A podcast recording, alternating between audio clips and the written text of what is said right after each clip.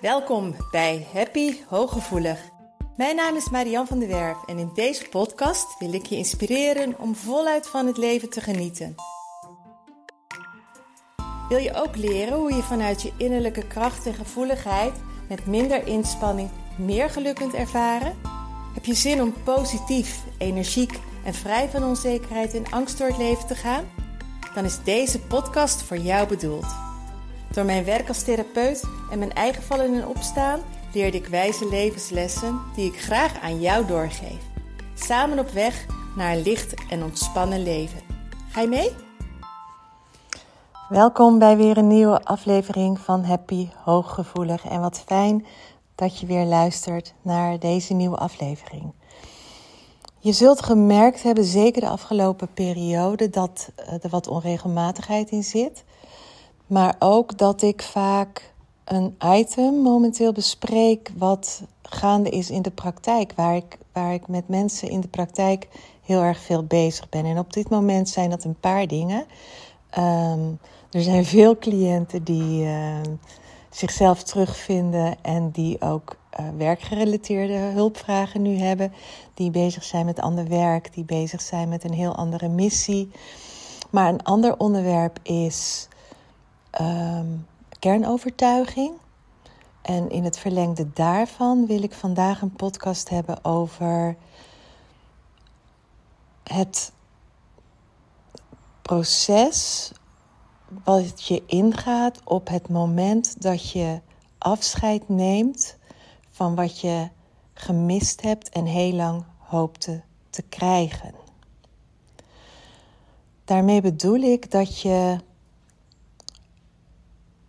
kind bent van ouders. En ouders horen er voor jou te zijn. Ze kiezen meestal bewust voor kinderen.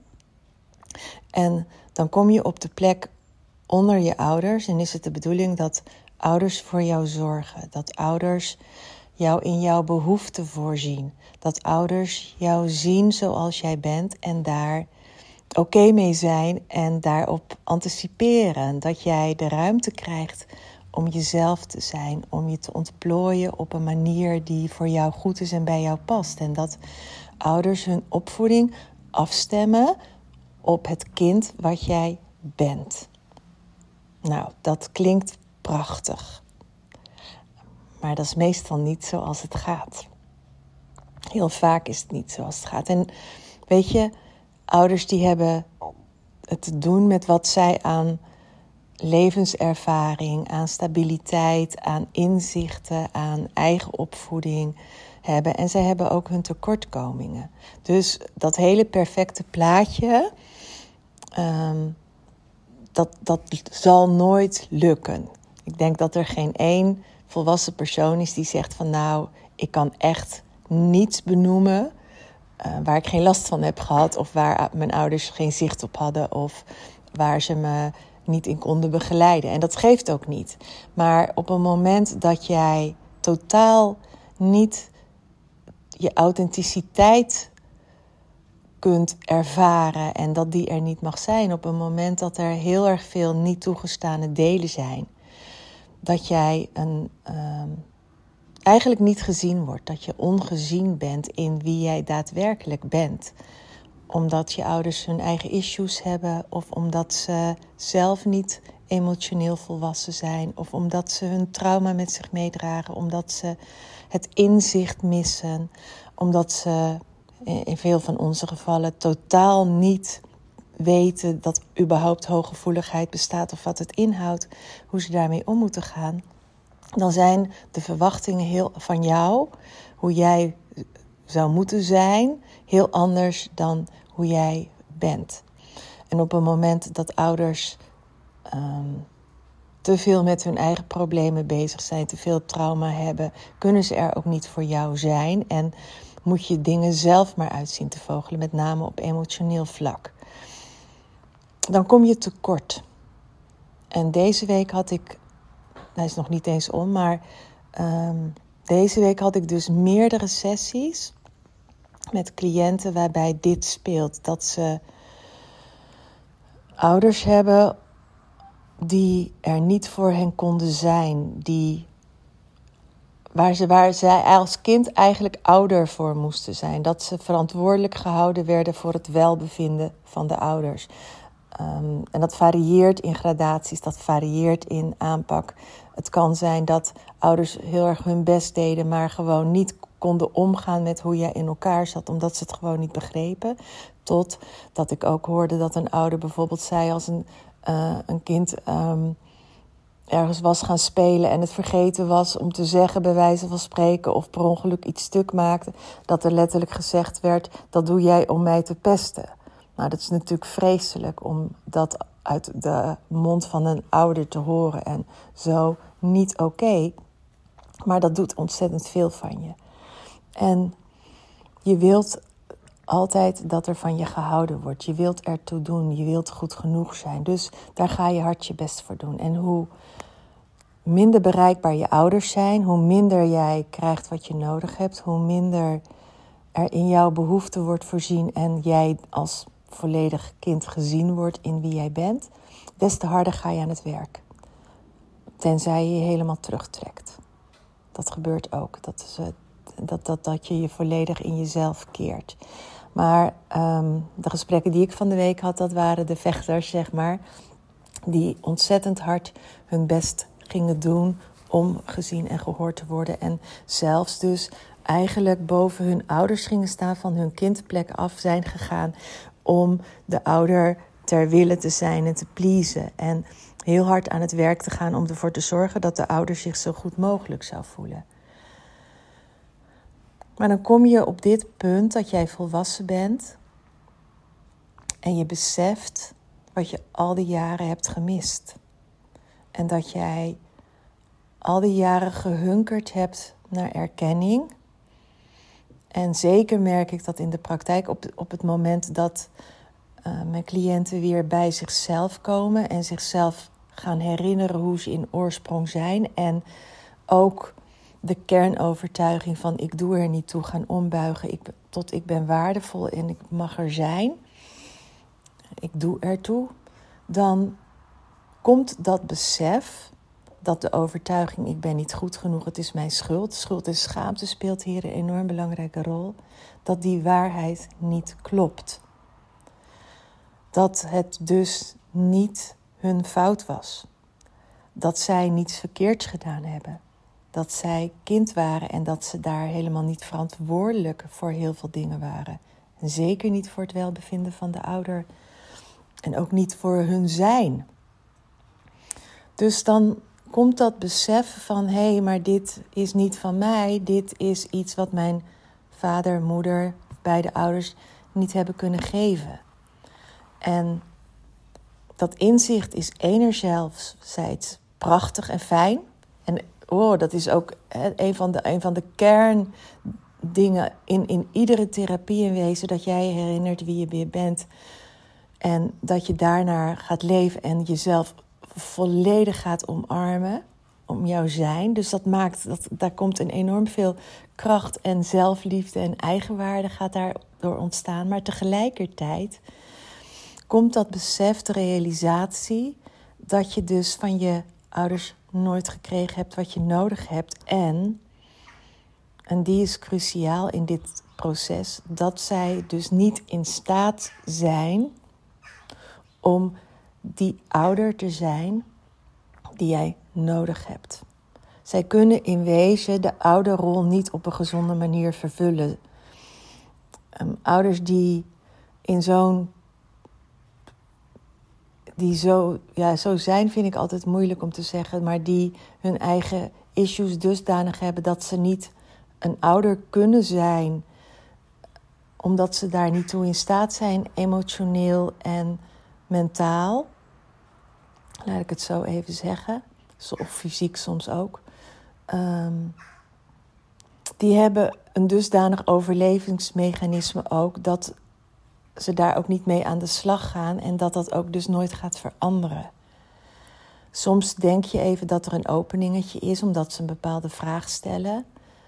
Um, dan denk je van hé, hey, nu willen ze weten hoe het echt met me gaat. Of nu willen ze weten hoe ik nou echt in elkaar zit. Of nu komt er een vorm van spijt om de hoek kijken. Of um, verantwoordelijkheid voor hun eigen gedrag. Maar heel vaak komt daar gelijk achteraan weer, ja, maar jij.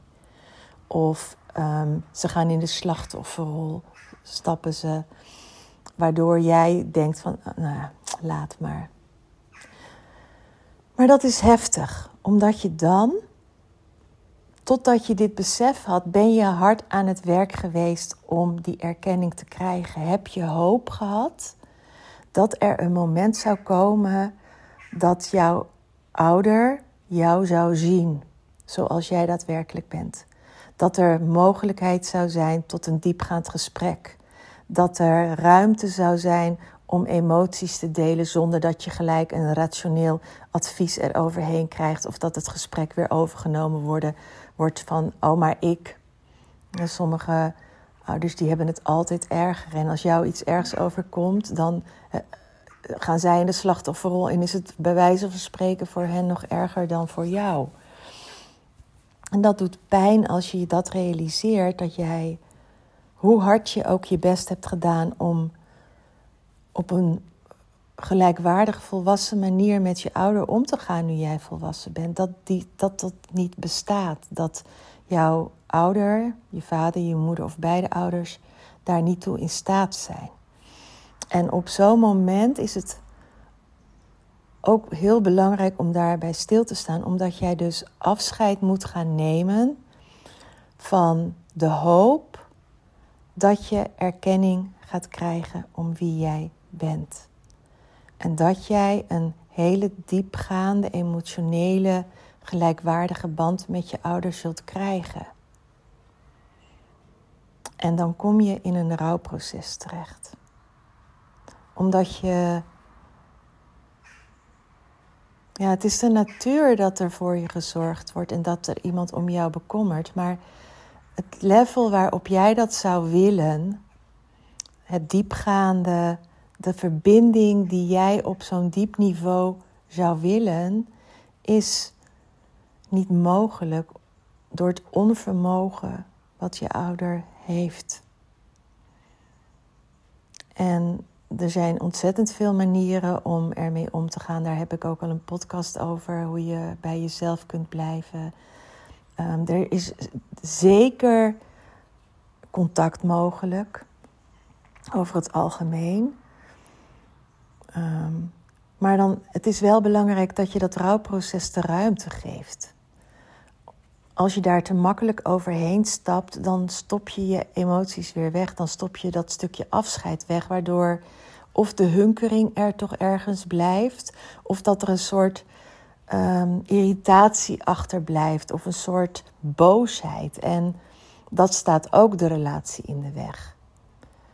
En op een moment dat jij je beseft van oké, maar dit ga ik niet met mijn ouder krijgen. En ik heb dus ook heel veel niet gekregen waar ik als kindje recht op had. Um, gun jezelf dan ook dat verdriet om daar afscheid van te nemen. Om afscheid te nemen zowel van wat je niet hebt gekregen, als dat je het ook niet gaat krijgen. Dus je gaat afscheid nemen van de hoop dat er een moment komt dat. En het mooie hiervan is, dat heb ik wel zelf ervaren met mijn moeder, dat op een moment dat ik afscheid ook nam, terwijl zij eh, in veel opzichten, moet ik eerlijk zeggen, heb ik echt wel gekregen wat ik nodig had. Maar in, als het gaat om mijn zijn, wie ik daadwerkelijk ben, dat dat allemaal oké is, niet op het moment dat ik afscheid nam, maar gaf dat bij mij zoveel ruimte. En toen ik dat los kon laten en mezelf kon gaan geven wat ik nodig had en het niet meer te verwachten of te hopen het te krijgen, ben ik anders met mezelf omgegaan. Ben ik veel meer gaan in mijn kracht gekomen. Ben ik veel meer gaan leven naar wat ik zelf mezelf kan geven en nodig heb.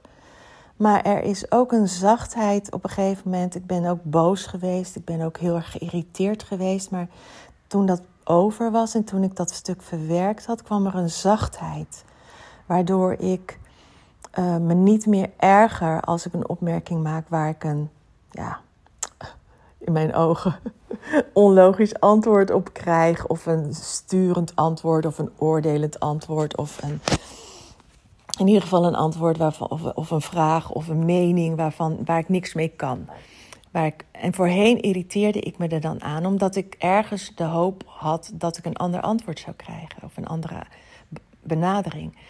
Nu ik daar helemaal oké mee ben en mijn moeder volledig mag zijn wie zij is, met haar liefde, maar ook met haar tekortkomingen, ehm, die zachtheid heeft onze relatie veel mooier gemaakt. Er zijn dingen waar ik echt met haar niet meer over praat. Er zijn dingen die ik niet benoem. Ehm, het gaat vaak over koetjes en kalfjes. Ik praat weinig over mijn werk. Ehm, tenzij het wat informatief is, maar niet, zeker niet als het wat spiritueler is, als het wat. Um, nou ja, intenser is. Maar het mooie is dat zij het lijkt alsof zij voelt dat zij ook helemaal mag zijn wie ze is, waardoor zij ook ontspant en meer mijn liefde voelt. Op een, op een niet meer neediness manier, maar op een hele volle manier of zo. Waardoor ze juist, laat zei ze bijvoorbeeld, toen, toen had ik het over wat, over wat resultaten in die zin. Um, dat ik zo, zo trots was op cliënten, of dat ik dat zo mooi vond hoe bepaalde mensen zo'n shift maken. En toen zei ze: Goh maar dat is dan zeker misschien wel een soort gave van jou, dat jij mensen daarin kunt begeleiden. Nou, en daar viel mijn mond van open. En toen konden we wel even gewoon ook een gesprek hebben dat ieder mens zijn talenten heeft, weet je. En um, ik gun jou dat ook, dat je die neediness niet meer hebt, dat je dat tekort niet meer ervaart, dat je door dat rouwproces heen gaat en afscheid neemt van de hoop dat je dat gaat halen bij iemand die niet in staat is om jou dat te geven. En dat kan trouwens ook een partner zijn. Maar um, het brengt je zoveel als je um, dat verwerkt, waardoor je ook de irritatie en de boosheid en de tekort niet meer ervaart. En jij kunt op ontzettend veel manieren kun jij jezelf dat geven door keer op keer je te beseffen dat jij ertoe doet en dat jij mag zijn wie je bent, maar ook door die oude kernovertuigingen los te laten en je te realiseren dat het niet klopt, dat ze niet waar zijn en dat jij iets heel anders mag gaan geloven over jezelf. En vanuit die nieuwe kernovertuiging de wereld gaan, gaan aanschouwen en jezelf gaat aanschouwen en um, het, het, bijpassende gedachte en gedrag gaat um, aan, uh, aan, uh, aanschouwen, wou ik zeggen, maar gaat toepassen. Dat je de gedachten gaat denken en dat je het gedrag gaat toepassen wat echt conform is wie jij daadwerkelijk bent. Maar de essentie van deze podcast is vooral dat stukje van het rouwproces, omdat mensen heel vaak tot actie overgaan. En ik leg natuurlijk zelf ook heel erg de aandacht op de zelfliefde. En het in je kracht gaan staan en mogen zijn wie je bent. Maar um, dat stuk rouwproces is over het algemeen wel nodig. En ik merkte ook van de week bij mijn cliënten toen ze dat zo beseften, dat daar ook veel verdriet bij zat. Waardoor we daar ook echt bewust bij stil hebben gestaan. En ik ook heb gezegd van wees daar ook verdrietig om. En zeg ook tegen jezelf van je hebt zo hard je best gedaan, maar het is niet jouw schuld. Hij of zij kan het gewoon niet. En ik mag dat loslaten en beseffen dat je dat van die persoon nooit gaat krijgen. En als dat, een pure emotie verdwijnt ook weer. En dan komt de vraag: op wat voor manieren kan ik mezelf dat wel gaan geven? En welke mensen in mijn omgeving kunnen daar ook een waardevolle bijdrage aan leveren? Nou, en dan kom je soms verder in het traject zelfs dat je ook heel ander werk gaat doen, bijvoorbeeld. Ja, dat is de andere kant. Maar kijk eens hoe dat bij jou zelf wel is geweest. En um,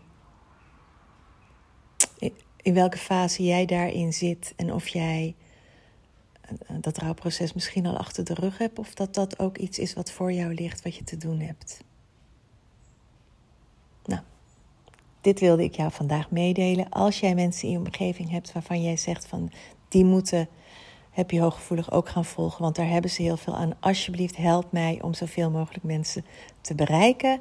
Ik heb inmiddels ook een paar mooie topics weer van andere mensen, andere luisteraars gekregen. Heb jij een mooi onderwerp waar je het over wilt hebben? Let me know.